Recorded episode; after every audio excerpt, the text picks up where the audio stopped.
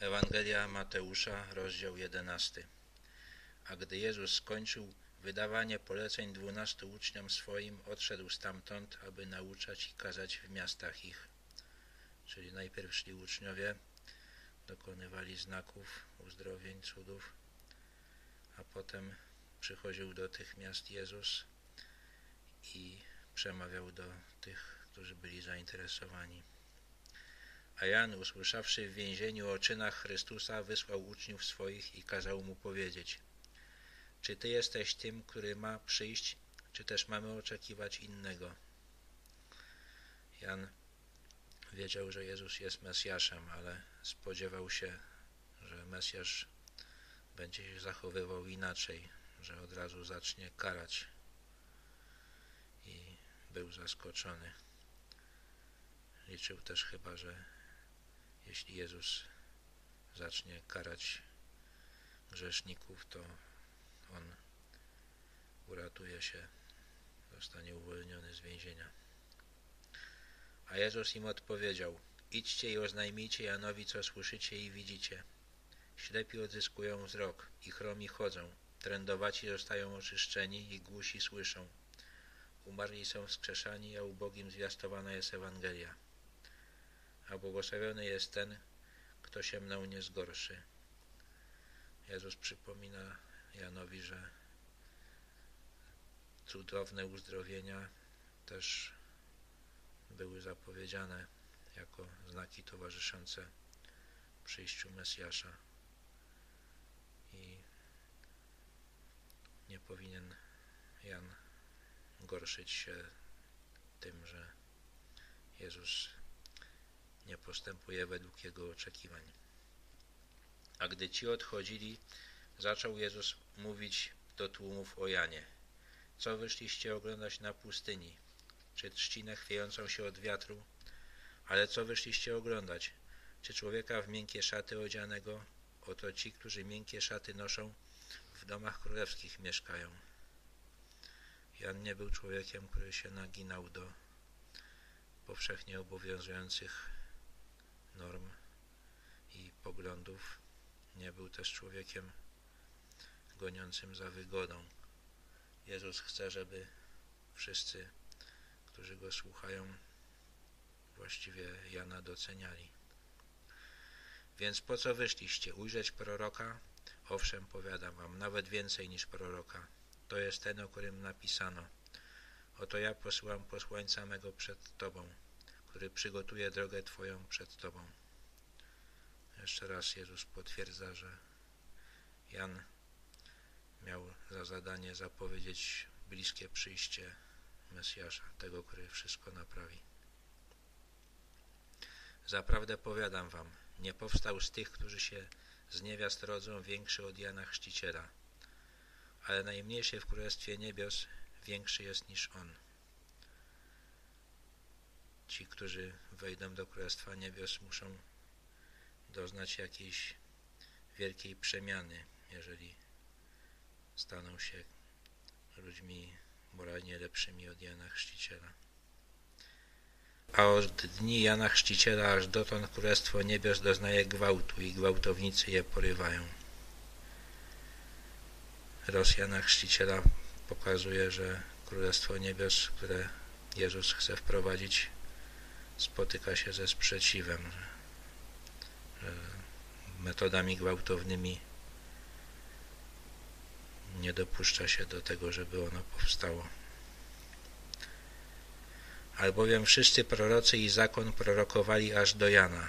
Jeśli zaś chcecie to przyjąć, on jest Eliaszem, który miał przyjść.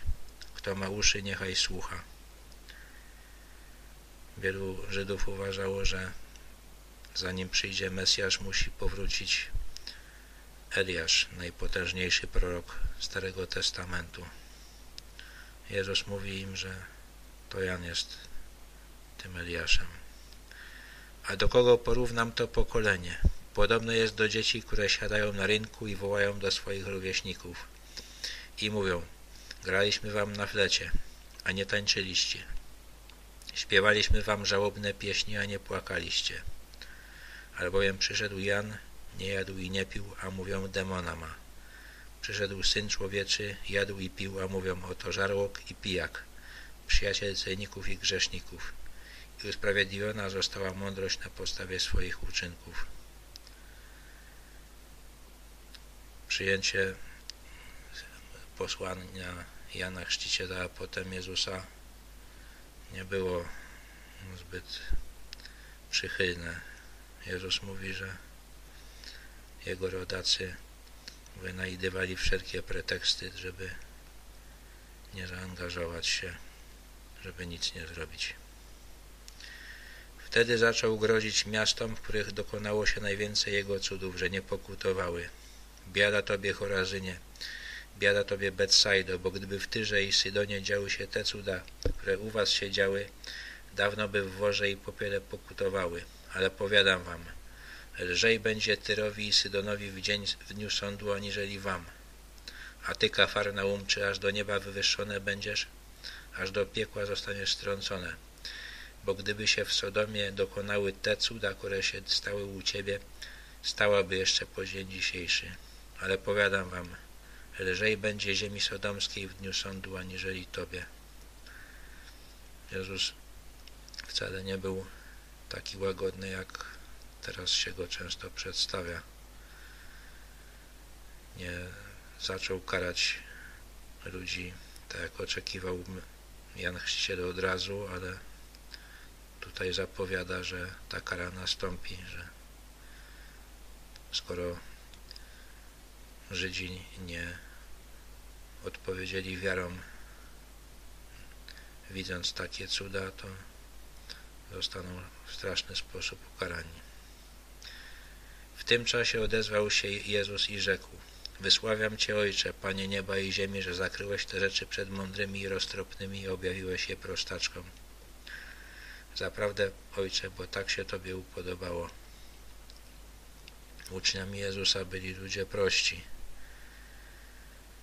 ludzie wykształceni, ludzie na stanowiskach, ludzie o wysokiej pozycji społecznej